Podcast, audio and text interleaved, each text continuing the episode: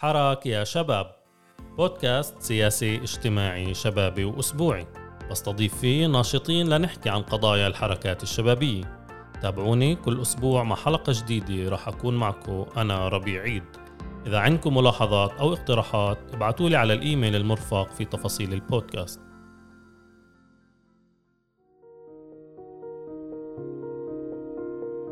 معظم اللي اعتقلوا روحوا على البيت لكن ما زال هناك عشرات القضايا اللي فيها إسرائيل قررت توجيه لوائح اتهام ضد هذول الشباب. من شان هيك انطلق صندوق الكرامة والأمل لدعم أهالي المعتقلين. يعني إحنا مش بالصدفة سمينا الصندوق صندوق الكرامة والأمل هو بدنا نلتقط اللحظة اللي شعرنا فيها كفلسطينيين بالأمل وشعرنا عمليا إنه عم نرجع آه، لمركز السياسي سؤال التحرر. إذا إحنا أدركنا هذا على المستوى السياسي. وأدركنا إنه الناس مش صحيح زي ما إحنا بنحكي إنه الناس آه، متمسكة بالواقعية السياسية والمساومة اللي بنشوفها على مستوى النخب الفلسطينية أو إنه الناس ما عندهاش استعداد تدفع أثمان أو تكون بالعمل السياسي. بالعكس شفنا إنه الناس ما استنت حدا لا بالنزول للشارع ولا بتنظيم الإضراب ولا بغيره. الحالة الأولى هي محمد أبو رومي من طمرة معتقل عمره 19 سنة. أمه طلعت على الإعلام من كم يوم وحكت إنه أثناء تحقيق الشباك معه آه، ادعوا وقالوا له إنه أمه عمليا ماتت آه، لحتى يشكلوا ضغط آه، نفسي عليه ويحاولوا يقايضوا بين اعترافه وبين خروجه إلى الجنازة. طبعا أمه ما ماتت وهي يعني محاولة لتشكيل ضغط عليه. وبفكر هاي واحدة من كتير حالات. سلامات لجميع المستمعين والمستمعات حلقة جديدة من بودكاست حراك يا شباب. حلقتنا اليوم رح نخصصها لقضايا المعتقلين في هبة الكرامة خلال شهر أيار الأخير. من خلال تناول مبادرة وتجربة صندوق الكرامة والأمل لدعم عائلات المعتقلين اللي انطلق عمله قبل شهر. خلال الهبة الأخيرة اعتقلت إسرائيل أكثر من 2000 شاب وصبية في أراضي 48 لقمع الاحتجاجات الفلسطينية في كل فلسطين من أجل الشيخ جراح والقدس وغزة. معظم اللي اعتقلوا روحوا على البيت لكن ما زال هناك عشرات القضايا اللي فيها إسرائيل قررت توجيه لوائح اتهام ضد هذول الشباب. هذول الشباب بحاجة لمساعدة اليوم عائلاتهم عم تتوجه لمحامين للترافع عنهن أمام المحاكم الإسرائيلية. ومن شان هيك انطلق صندوق الكرامة والأمل لدعم أهالي المعتقلين في توفير مشورة وتوفير محامين طاقة محامين للترافع عن قضايا المعتقلين. مهم نذكر أن إسرائيل مارست قمع وعنف شديد ضد المعتقلين وسحب اعترافات منهم تحت التعذيب. بحسب تقارير صحفية عديدة عم تخرج في الأيام الأخيرة وعم نسمع يوم عن يوم عن انتهاكات شديدة مارستها قوات الأمن والشباك ضد هدول الشباب. اليوم الحراك عم بيكون لدعم أهالي المعتقلين وكواحد من أشكال الحراك المستمر ما بعد الهبة الأخيرة. والصندوق بيقوم عليه مجموعة من المحاميات والمحامين المتطوعين بهدف الترويج له محليا ودوليا وبالأساس من خلال إطلاق حملة شعبية لتجنيد دعم مادي لأهالي المعتقلين. وعم بتصير عدة مبادرات للترويج له محليا عم بيقوم فيها ناشطين وناشطات. ومهم نذكر أنه احتضنت هذه المبادرة جمعية بلدنا ويوجد صفحة خاصة من خلالها بإمكان أي شخص يعني التبرع لهذا الصندوق وبدعو اللي بيسمعونا للدخول للرابط المرفق مع هاي الحلقة. وهناك تقدروا أنتم تتبرعوا لهذا الصندوق. وكمان فيه الأهالي المعتقلين بيقدروا يقدموا طلبات عشان ياخذوا دعم من هذا الصندوق. للحديث أكثر عن صندوق الكرامة والأمل للدفاع عن المعتقلين رح نستضيف في هاي الحلقة المحامية والناشطة السياسية والنسوية سهير أسعد وهي عضو اللجنة الاستشارية لصندوق الكرامة والأمل. مرحبا سهير. مرحبا ربيع. سهير يعطيك العافية على المبادرة الأخيرة في صندوق الكرامة والأمل لدعم المعتقلين خلال الهب الشعبية الأخير الصندوق اللي انطلق تقريبا قبل شهر من قبل متطوعين ناشطين ومحاميين ومحاميات اللي عم بيشتغل على كل فكرة الدعم الشعبي لدعم قضايا المعتقلين اللي ذكرناهن في بداية الحلقة واللي عم بيكونوا اليوم نوعا ما وبعد الهبة وكأنه كان في هيك شعور وكأنهن لحالهن فصار في هاي المبادرة لدعم المعتقلين. حابين نسمع منك في البداية بشكل أكثر وأكبر عن فكرة الصندوق للي لسه بعده ما بيعرف فكرة الصندوق. يعني هذا الصندوق آه، هو آه، مراكمة على الجو اللي شفناه آه، أثناء الانتفاضة أو الهبة في أيار الهبة الفلسطينية. وبفكر يعني كلياتنا يعني الأهداف المباشرة عمليا للصندوق اللي انبنى من قبل محاميات متطوعات وناشطين وناشطات واحتضنته جمعية الشباب العرب بلدنا. هو مشروع لجمعية بلدنا عمليا. قد تكون الأهداف المباشرة له هي تأمين التمثيل القانوني للمعتقلين اللي ما عندهم محامية أو دعم الأهالي بالكلفة الاقتصادية اللي ناجمة عن لوائح الاتهام. بس بفكر يعني بدنا نجرب إيه، نرجع شوي لورا. الأهداف الأعمق والأوسع لهذا الصندوق هي إنه إحنا نراكم عن اللي شف على اللي شفناه في هبة أيار. إحنا كلياتنا شفنا آه، عمليا آه، مش بس نزلتنا على الشوارع كفلسطينية بكل محل إحنا أيضا شفنا آه، محاولة خلق بنى تحتية اللي غادره تحمي الناس أثناء الهبة. من أطباء من ناس اللي في المعالجة النفسية من الدعم والاحتواء المجتمعي اللي شفناه والالتفاف حوالين العائلات وأيضا آه، طواقم المحاميات والمحاميين المتطوعين اللي تشكلت في كل مدينة آه، وقرية فلسطينية لحتى تدافع عن الشباب المعتقلين. بعد عمليا مرحلة الاعتقال الأولى بلشنا نشوف آه، عمليا نهاية التطوع من قبل المحاميات والمحامين وهذا طبيعي لأنه إحنا بنحكي على ملفات كبيرة ضخمة اللي قد تستمر سنوات في المحاكم الإسرائيلية. وبفكر جزء من استمرار العنف اللي واقع علينا هو مش بس العنف اللي شفناه بالهبة هو كمان العنف اللي رح يستمر في هذا المسار القضائي. واللي إذا إحنا آه، كمجتمع ما قدرنا نخلق مبادرات اللي تكمل تحتضن هدول الأهالي. قد يتركوا وحدهم في مواجهة آه، منظومة قضاء عنيفة مرهقة منهكة مش بس على المستوى الاقتصادي آه، كمان على مستويات أخرى لهدول العائلات والمعتقلين. وبالتالي يعني بالاساس الصندوق جاي يعطي دعم مادي لعائلات المعتقلين للمحاميين اللي راح يترافعوا عنهن في في المحاكم الإسرائيلية. صحيح الصندوق بيعمل بطريقتين. الطريقة الأولى إذا في عائلة ما عندها محامي الصندوق يعين بشكل مجاني محامي للعائلة. وإذا في عائلات اللي كانت صارت متعاقدة مع محاميين إحنا بنجرب نغطي جزء من التكاليف. بس كمان مرة ربيع مهم إلي أشدد إنه جزء من أهداف الصندوق والحملة اللي حواليه هي مش بس نجمع التبرعات يعني كل حدا بتبرع هو دعم ممتاز للأهالي وبنرحب فيه. آه، بس كمان هي إعادة مركزة قضية المعتقلين في آه، عملنا السياسي وعملنا مع مجتمعنا الفلسطيني. آه، وبالتالي أي مبادرات اللي مش بس بدها تجمع تبرعات اللي بدها ترجع القضية على المركز اللي زيارات للأهالي احتضانهم رفع قضايا المعتقلين العنف اللي بعده بتمارس عليهن هن أيضا من أولويات الصندوق وهو شيء اللي إحنا بنحاول إيه، نشتغل عليه كمان. صحيح. وهون يعني كمان بنشوف إنه كمان شكل من أشكال التنظم ما بعد يعني الهبة الأخيرة إنه هو صح مش بس شيء مادي وفي كمان فيه تنظم مجتمعي اللي عم بيكون من القاعدة. فحابين نعرف أكثر كيف شكل التنظم تاع هذا الصندوق؟ يعني إحنا شفنا في على الإنترنت الناس تقدر يعني تتبرع آه، بمصاري من طريق الإنترنت وصار في مجموع آه، تقريبا إذا أنا مش غلطان آه، فوق ال 200 ألف شيكل شيء زي هيك. ما يقارب ال 300 ألف شيكل ما يقارب 300 ألف شيكل وطبعا إحنا بنحكي على مبالغ اللي هي مكلفة كثير هناك يعني رح نحكي أكثر عنها عشرات الحالات آه، من الاعتقال آه، لكن كيف عم بيكون يعني عملكم في داخل هذا الصندوق؟ كيف عم تشتغلوا؟ كيف عم تروجوا؟ يعني كان في لكم مؤخرا كمان في في الناصر في نادي بلدنا يعني هناك event حدث اللي كمان الناس إجت. فكيف عم تشتغلوا للترويج للصندوق؟ صحيح. يعني أول شيء هذا الصندوق فعلا هو نمط من أنماط يعني أنا بطلع عليه كنمط من أنماط التنظيم السياسي بعد الهبه أه وبفكر حتى تطوع المحاميين في الهبه هو مش عمل قانوني بحت. يعني إحنا مش ما عندناش أوهام لا كمحاميات ولا كمحاميين فلسطينيين على نوع المنظومه اللي عم نشتغل قدامها. وهذا بنجيله لما نحكي أكثر على العنف ضد المعتقلين واللي شهدناه عمليا أثناء الهبه وبالتالي جزء من شكل التنظم حوالين قضية المعتقلين كان كتير بمركزه إحنا كيف بندعم العائلات إحنا كيف نرفع معنويات المعتقلين أثناء الهبة لما نكون نزورهم بالمحطات لما نترافع عنهم بالمحاكم. وبالتالي واضح لنا إنه القضية مش قضية قضائية لأنه أصلا العنف اللي مركوه المعتقلين واستمراره لليوم لمحاولة سحب اعتراف منهم لا تقديم لوائح الاتهام آه، وعمليا سجنهم بالمحصلة وردع وتخويف الناس بعد هاي الهبة هو أيضا إشي مركزي بسؤال الملفات الجنائية هاي اللي تقدمت ضد المعتقلين.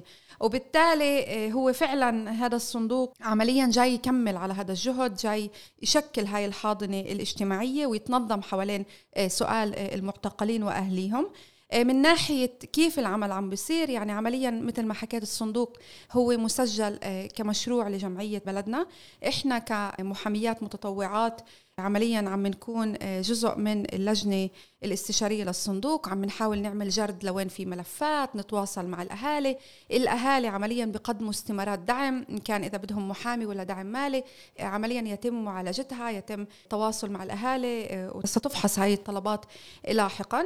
بس كمان زي ما أنت حكيت عم نشتغل على جوانب تانية. هنالك ناشطات وناشطين عم بيتطوعوا بالصندوق لحتى نعمل ننظم فعاليات إن كان على المستوى المحلي زي الفعالية اللي كانت بنادي بلدنا آه، اللي فيها عمليا آه، كان في فعاليات ندوة اللي تحكي على سؤال المعتقلين فعاليات للأطفال آه، وفعاليات فنية للناس أجت وتبرعت. وهون بدي أحكي على لفتة كتير حلوة عشان نفهم شو معنى أنه السؤال المعتقلين يرجع للناس.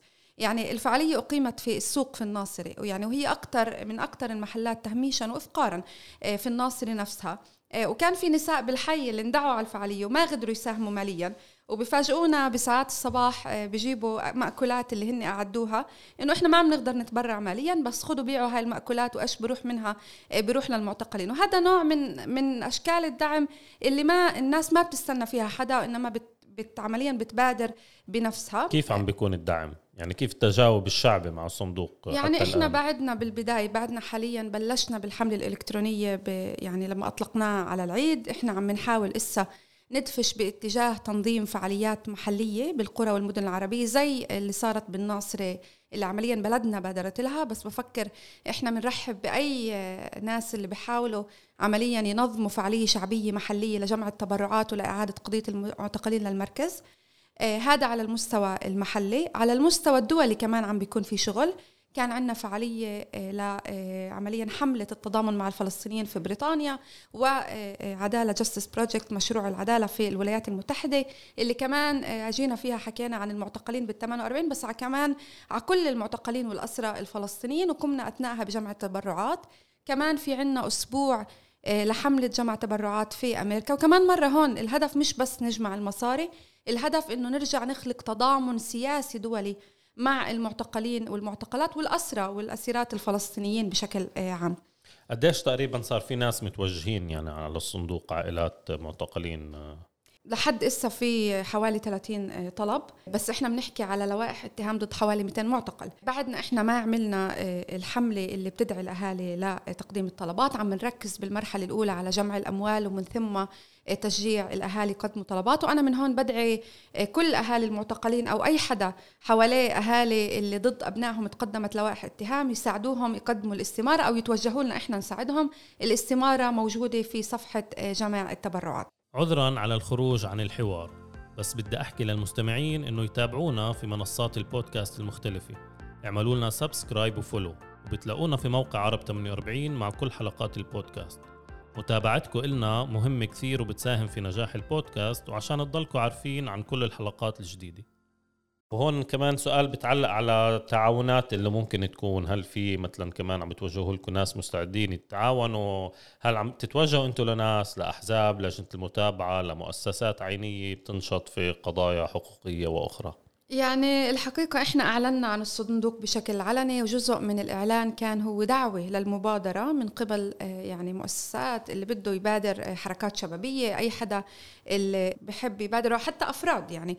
لحد اليوم كان في توجهات طبعا من أفراد من ناشطين وناشطات آه، شباب من آه، مبادرات محلية زي مثلا الشباب اللي عم بدعموا المعتقلين. في عكا إنه حابين كمان ينظموا هذا النوع من الفعاليات. إحنا بتواصل بالعموم مع محاميين ومحاميات ومع أهالي من مناطق مختلفة ومع لجان شعبية اللي نحاول نفهم الصورة وطبعا أي حدا ببادر إحنا بنرحب بهاي المبادره بس الحقيقة يعني ما في فعاليات رسمية على مستوى مؤسسات أو لجنة المتابعة اللي, اللي عم تتنظم بهذه يعني بهاي المرحلة طيب سهير ممكن كمان نحكي أكثر على موضوع الملفات يعني اللي. بيتعرضوا لها المعتقلين ويمكن بسمعونا ما بيعرفوا كتير تفاصيل وبتتعلق في أروقة المحاكم وهي قديش بتاخذ إجراءات وقديش كمان ممكن تاخذ تكلفة من محامين وقد ممكن تاخذ وقت.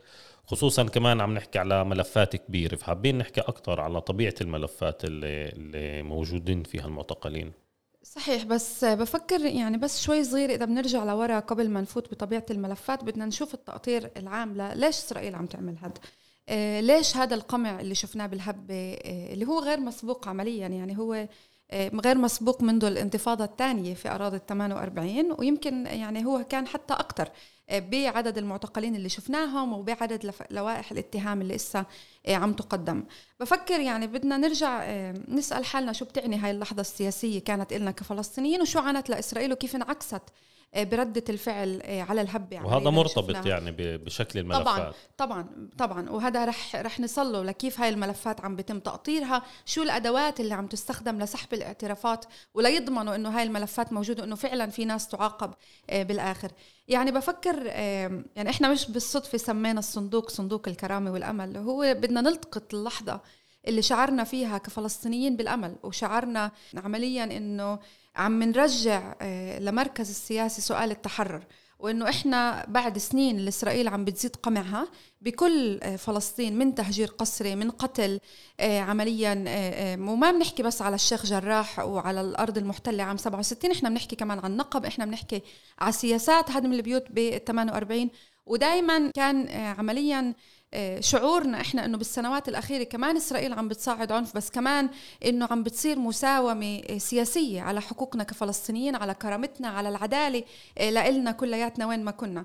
وبفكر لحظة الهبه هي اللحظة اللي كل فلسطيني أو فلسطينية شعر بإنه استعاد علاقته بهذا المشروع الأكبر الفلسطيني التحرري. شعرت أو شعر إنه عندهم دور في الشارع. آه، واستعدنا هاي إرادتنا السياسية ووكالتنا آه، في العمل السياسي.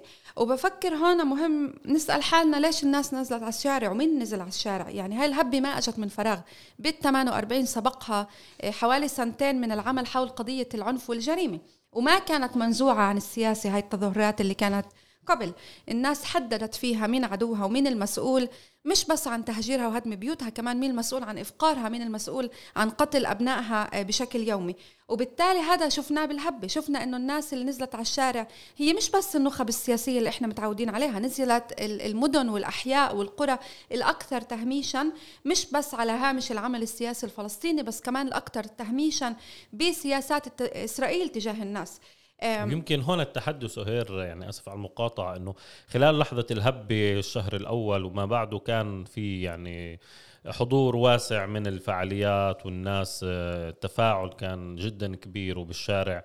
لكن التحدي هو ما بعد دائما ما بعد الهبة انه الناس رجعت حياتها اليومية. إيه، بطلنا نشوف على ال social media كل الضجة اللي كانت موجودة. فكيف ممكن استثمار اللي كان قبل في ظل إنه الناس رجعت شوي شوي ترجع حياتها العادية؟ أول شيء بدنا ندرك عدة أسئلة. بدنا نطلع على الديناميكيات الفلسطينية الداخلية اللي كانت أثناء الهبة. يعني أي حدا كان بمحطات البوليس أي حدا شاف الأهالي اللي أولادها اعتقلت بشوف إنه في بعد جدا طبقي واضح بمين عم تستهدف إسرائيل اولا آه، ومين الناس اللي عم بتجرب تدفعهم ثمن. بس كمان في الجانب الثاني مين الناس اللي عم تنزل آه، على الشارع عمليا. وإحنا بنشوف إنه اللي نزلوا نزلوا صحيح على قضية الشيخ جراح والأقصى والقصف اللي شفناه على غزة بس كمان اللي حكى مع المعتقلين اللي حكى مع الناس بسمع إنه الناس وأخيرا عم تربط بين وجعها اليومي بين معاناتها مع الفقر معاناتها مع العنف والجريمة وبين آه، آه، كونها فلسطينية كونها بتنتمي للشعب الفلسطيني وبالتالي بتواجه مع كل أبناء شعبنا الفلسطيني آه، هذا القمع وسياسات التهجير وحتى التفاصيل الأصغر بيومها. إذا إحنا أدركنا هذا على المستوى السياسي وأدركنا إنه الناس مش صحيح زي ما إحنا بنحكي إنه الناس آه، متمسكة بالواقعية السياسية والمساومة اللي بنشوفها على مستوى النخب الفلسطينية أو إنه الناس ما عندهاش استعداد تدفع أثمان أو تكون بالعمل السياسي. بالعكس شفنا إنه الناس ما استنت حدا لا بالنزول للشارع ولا بتنظيم الإضراب ولا بغيره. وبالتالي من هذا الإدراك بدنا ننطلق عمليا نفكر كيف بدنا نكمل نرجع إنه السياسة تضلها بإيد الناس.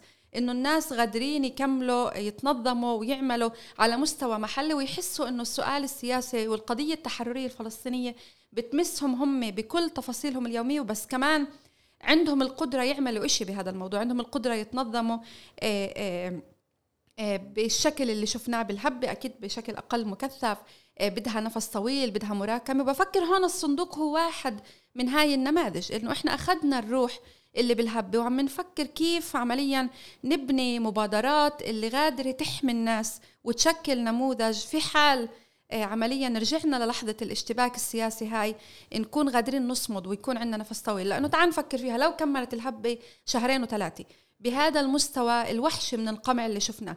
السؤال هل إحنا كان عندنا آه، بال 48 بكل فلسطين بنى تحتية اللي قادرة تكمل تحمي الناس آه، بقضية المعتقلين وبقضايا في غياب لمؤسسات يعني مثلا موضوع المعتقلين بشكل خاص كمان هذا يعني هيك لمسناه في الهبة موضوع اجى أسبوع الاقتصاد الوطني كمان ما عندناش مؤسسات بتشتغل على هذا الموضوع. صحيح وهذا مش إشي اللي نكمل نبكي عليه صراحة. هذا يعني أولا آه، بفكرش إنه يعني على المستوى المعتقلين أي مؤسسة بالداخل كانت جاهزة.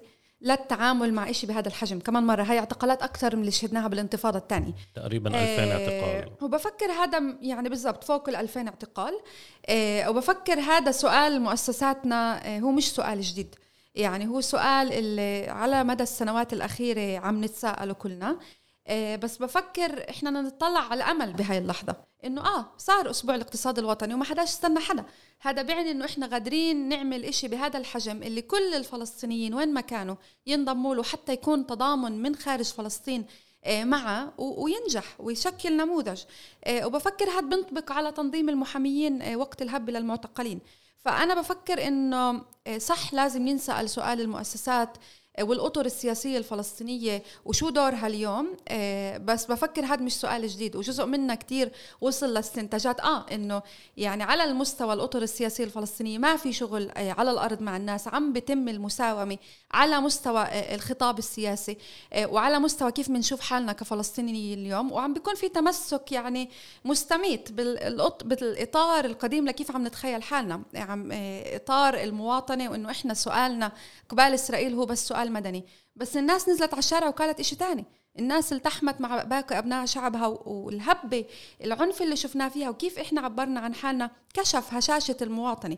وكشف إنه هاي وهم. آه، بنفعش إحنا نكون بهذا المحل على مستوى شعبي وعندنا أطر سياسية بعدها آه، عالقة بالإطار القديم ونضلنا نستنى فيها. لأنه هذا يعني هذا إلنا بنحكي سنين. آه، بفكر اليوم إحنا بمرحلة تانية اللي بنفكر كيف كل واحد وواحد فينا غادرين يراكموا على المبادرات اللي شفناها بالهبة وبعد الهبة وغادرين يفكروا لقدام كيف بنبني بنى تحتية اللي غادرة تخلينا نستمر آه، آه، آه، مش بس باللحظات الثورية زي اللي شفناها بالهبة بس كمان نستمر نشتغل عمل سياسي مع الأطفال مع النساء نشتغل مع أهالي المعتقلين ومش نشتغل بمعنى إحنا نشتغل مع الناس الناس تكون هي جزء من هذا العمل ونشتغله آه، آه، مع بعض. أنا بدي أسأل كمان سؤال سهير بالنسبة لكل موضوع كمان تفاعل الناس إنه في يعني الإعلام الإسرائيلي حكى والشرطة إنه معظم المعتقلين هن ذو خلفيات جنائية ومرتبطين يعني منظمات إجرائي إجرامية. وكمان يعني سمعنا من ناس يعني محليين بدون ذكر يعني أسماء لبلدان وكذا إنه يعني الأشخاص كمان اللي اعتقلوا هدول قبل كانوا ياخذوا خاوة. يعني عشان هيك ما كانش في تفاعل كتير مع آه، ممكن ببعض الأماكن مع هاي القضية أو مش بالحجم اللي شفناه وقت الهبة.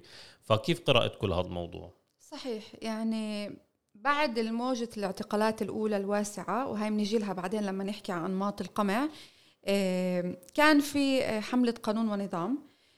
وقبل أيام من إطلاق حملة قانون ونظام اللي أجت حكت الشرطة كأنه بعد ما بلشت تخفت آه، الأحداث نفسها آه، حددوا 500 هدف سموه وجربوا يسموهن أهداف جنائية أو أهداف إجرامية للإعتقال وكان في خطاب الشرطة عمليا خلط بين النضال السياسي آه، وبين آه، آه، عمليا اعتقالات على خلفية جنائية. قبلها بأيام طلع بيان أيضا يقول 80% من المعتقلين هم ذو خلفية جنائية.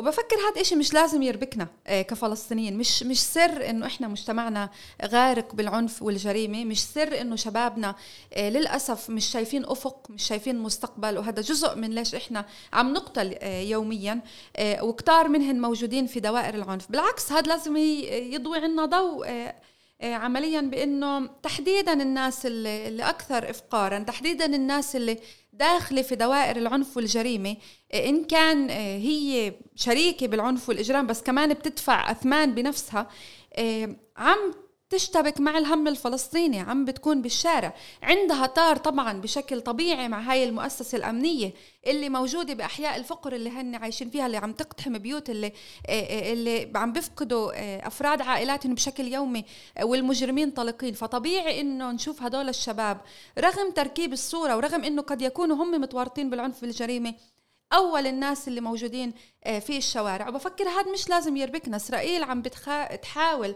تخلق هذا الشرخ المجتمعي آه، بين آه، الشباب اللي طلعت والصبايا اللي طلعوا على الشارع وبين باقي أبناء مجتمعنا. بفكر ردنا إحنا لازم يكون صحيح. سؤال التحرر هو سؤال هالقد مركب. إحنا مش ملائكة كفلسطينيين.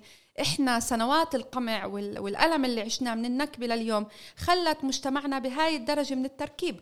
خلته يغرق في كل هاي الأسئلة الداخلية. وبالتالي إحنا ما بندور على طهرانية للمتظاهرين أو المتظاهرات. إحنا بنشوف إنه كل حدا فلسطيني بيعاني من هذا القمع حقه يكون يبادر ويكون جزء من هذا النشاط السياسي. وبالتالي هذا مش المفروض يربكنا بالعكس هذا المفروض يخلينا نفتح أسئلة داخلية كمان مرة عن الطبقة عن مين اللي أكثر تهميشا داخل مجتمعنا وكيف إحنا جوابنا على أسئلة العنف والجريمة هي مش أسئلة خارجية مرتبطة بإسرائيل وبالشرطة الإسرائيلية.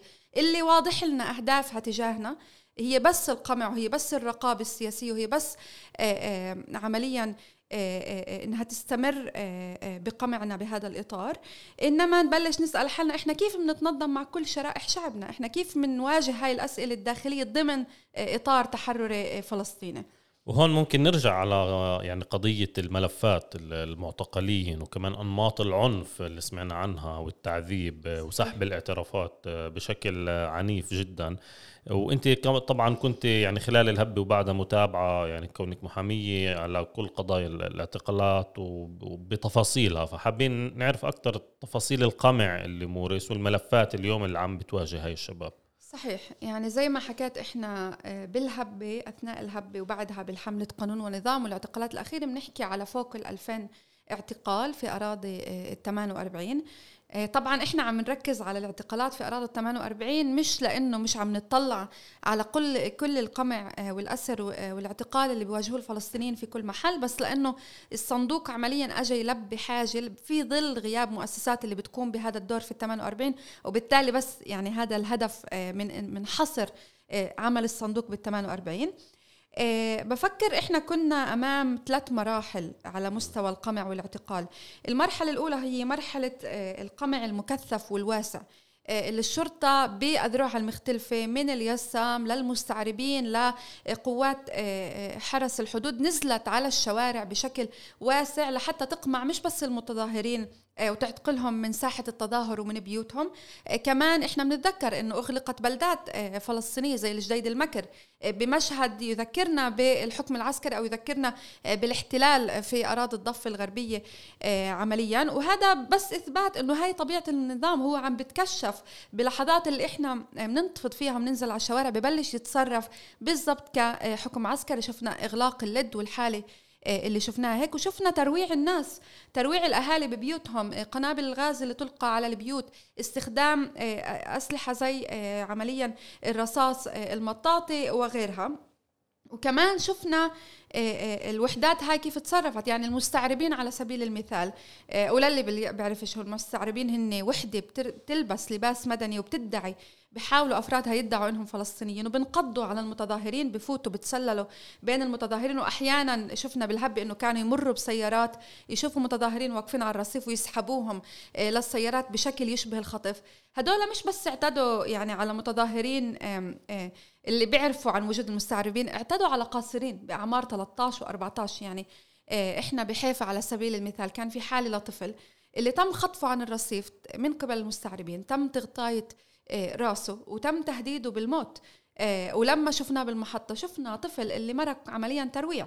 آه وبفكر هذا آه طبعا مورس على القاصرين وعلى البالغين آه وعلى الكل من قبل المستعربين بس بفكر كان في استهداف خاص بالموجة الأولى للقاصرين وبعده مكمل طبعا. من خلال آه، العنف قبل الاعتقال أثناء الاعتقال من خلال منعهم من حقوقهم الأساسية زي إنه يستشيروا محامي أو إنه يكون اللي هو حق للبالغين والقاصرين أيضا أو مرافقة الأهل آه، واستخدام أساليب نفسية بين التهديد وبين محاولات الخداع آه، لهذول الأطفال بهدف سحب اعترافات منهم. وشفناها كمان بمتابعة الملفات من قبل الادعاء العام أو النيابة العامة. هاي المرحلة الثانية؟ هاي بالمرحلة الأولى بعدنا بنحكي بالاعتقال الأول. وبالمحاكم اللي بتشوف النيابة العامة مصرة تطلع من المحكمة الصلح للمركزية للعليا تلاحق طفل عمره 14 سنة عشان تتأكد إنه يضله محبوس. لما على المستوى كأنه النظر القانوني الأولوية هو إنه الأطفال يطلعوا. آه، ويكونوا ببدائل اعتقال كأنه. فهون بنشوف إنه في إصرار رهيب على معاقبة القاصرين في محاولة لمعاقبة الجيل الجاي وردعه. وبفكر الموجة الثانية هي كانت موجة قانون ونظام بديش أرجع لها حكينا عنها. بس مهم نلفت إنه هون كان في ألاف الوحدات القمع اللي اقتحمت القرى والمدن. بمشهد اللي يعني بيروحوا يعتقلوا واحد بفوتوا أبصر آه، آه، جندي أو آه، سوري شرطي. وهذا بس كمان مرة لحتى الناس تتروع لحتى ترتعب. وننساش إنه إحنا بال 48 مش متعودين على هذا النوع من المشاهد. آه، وبفكر آه، واجبنا اليوم نرد على هذا القمع بإنه نعزز الحصانة آه، المجتمعية عمليا. وهون باجي لمرحلة الاعتقالات اللي بيحاولوا تروح لمرحلة لوائح الاتهام. وهي اعتقالات حتى نهاية الإجراء بعد مرحلة الاعتقالات الأولية. هون هاي المرحلة تميزت بتكثيف اعتقالات الشباك اللي شفناها قبل طبعا. آه، منع لقاء المحاميين آه، للمعتقلين لفترة طويلة محاولة الاستف... آه، الاستفراد فيهم تشغيل ضغط عليهم وكل هذا في محاولة لسحب اعترافات. شو التهم اللي بتكون هون موجودة؟ في تهم يعني متنوعة من المشاركة بما يسمى عمليا يعني المشاركة في المظاهرات بحد ذاتها عم تسمى عم بتكون تهمة. رمي حجار في اتهام لشباب بمحاولات قتل في اتهام بإطلاق نار حرق في كتير آه، آه، تهم. بس مهم إحنا ما نركز على طبيعة التهم لحتى ما كأنه نبلش بإنه نسلم بأوكي هذا النظام آه، كل اللي مرقناه تمام وإسا تعالوا نسأل عن التهم بدنا نسأل حالنا كيف عم بيحاولوا يوصلوا لهي التهم. وهنا بدي أذكر حالتين اللي طلعوا من الأيام الأخيرة.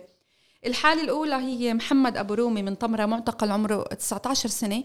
إمه طلعت الإعلام من من كم يوم وحكت إنه أثناء تحقيق الشباك معه آه، ادعوا وقالوا له إنه إمه عمليا ماتت.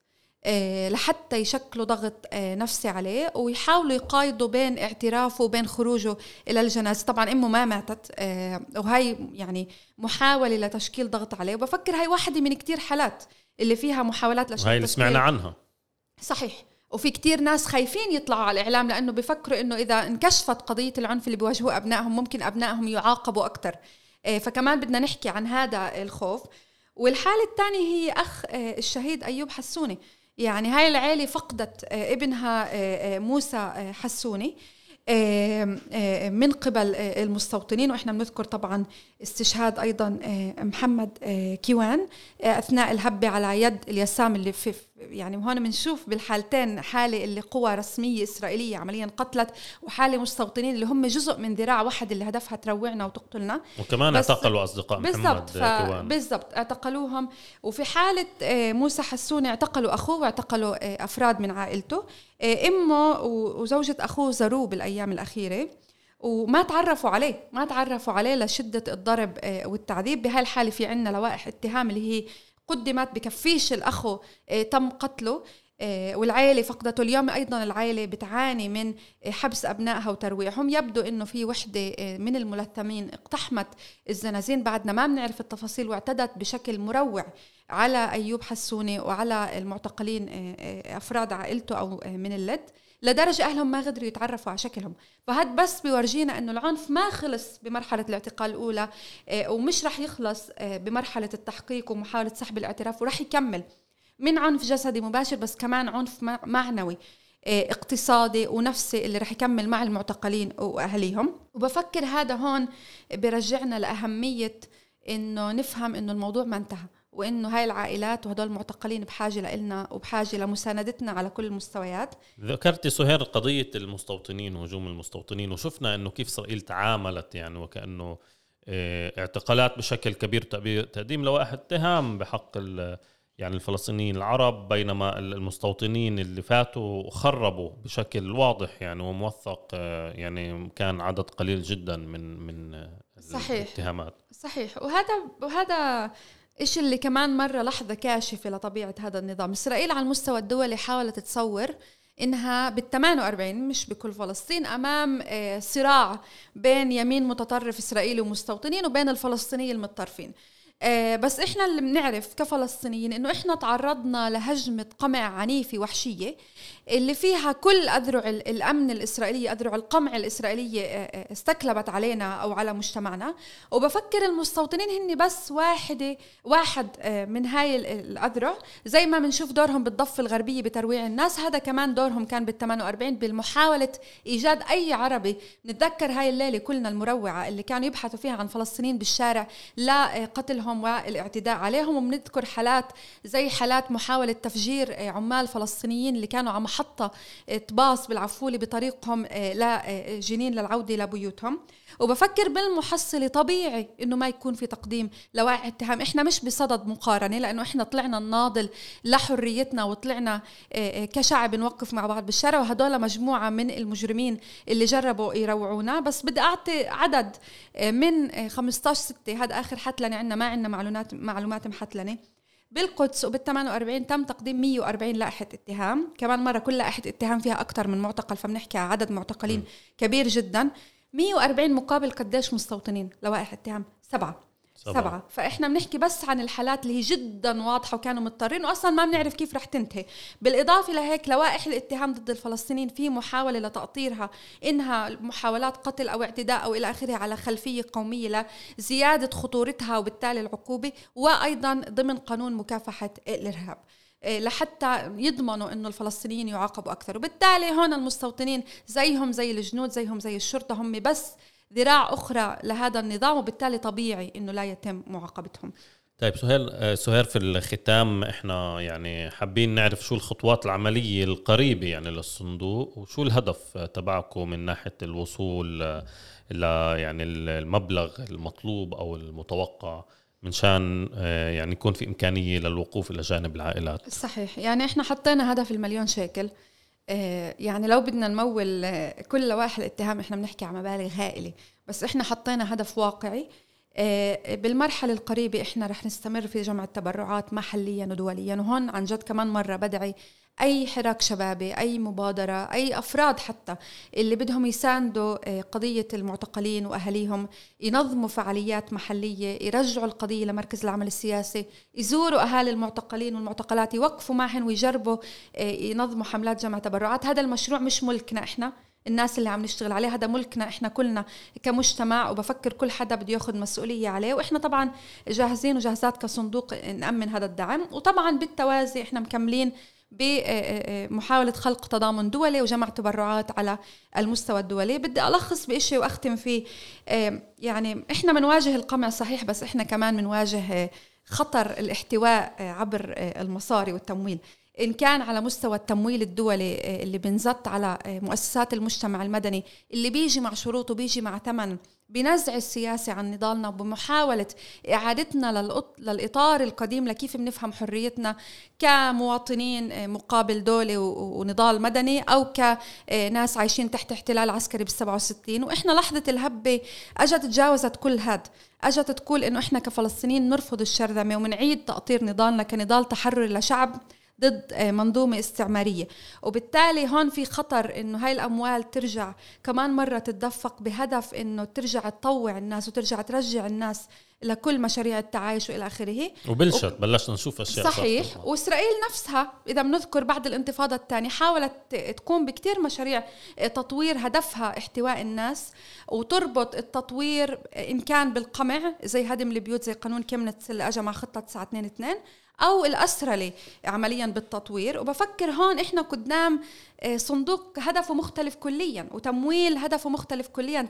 آه، صندوق ومبادرة اللي انبثقت بشكل عضوي من الحراك اللي شفناه على الأرض جاي يتراكم عليه وجاي منا كفلسطينيين بالإطار آه، اللي شفناه بالهب وكيف بنشوف حالنا.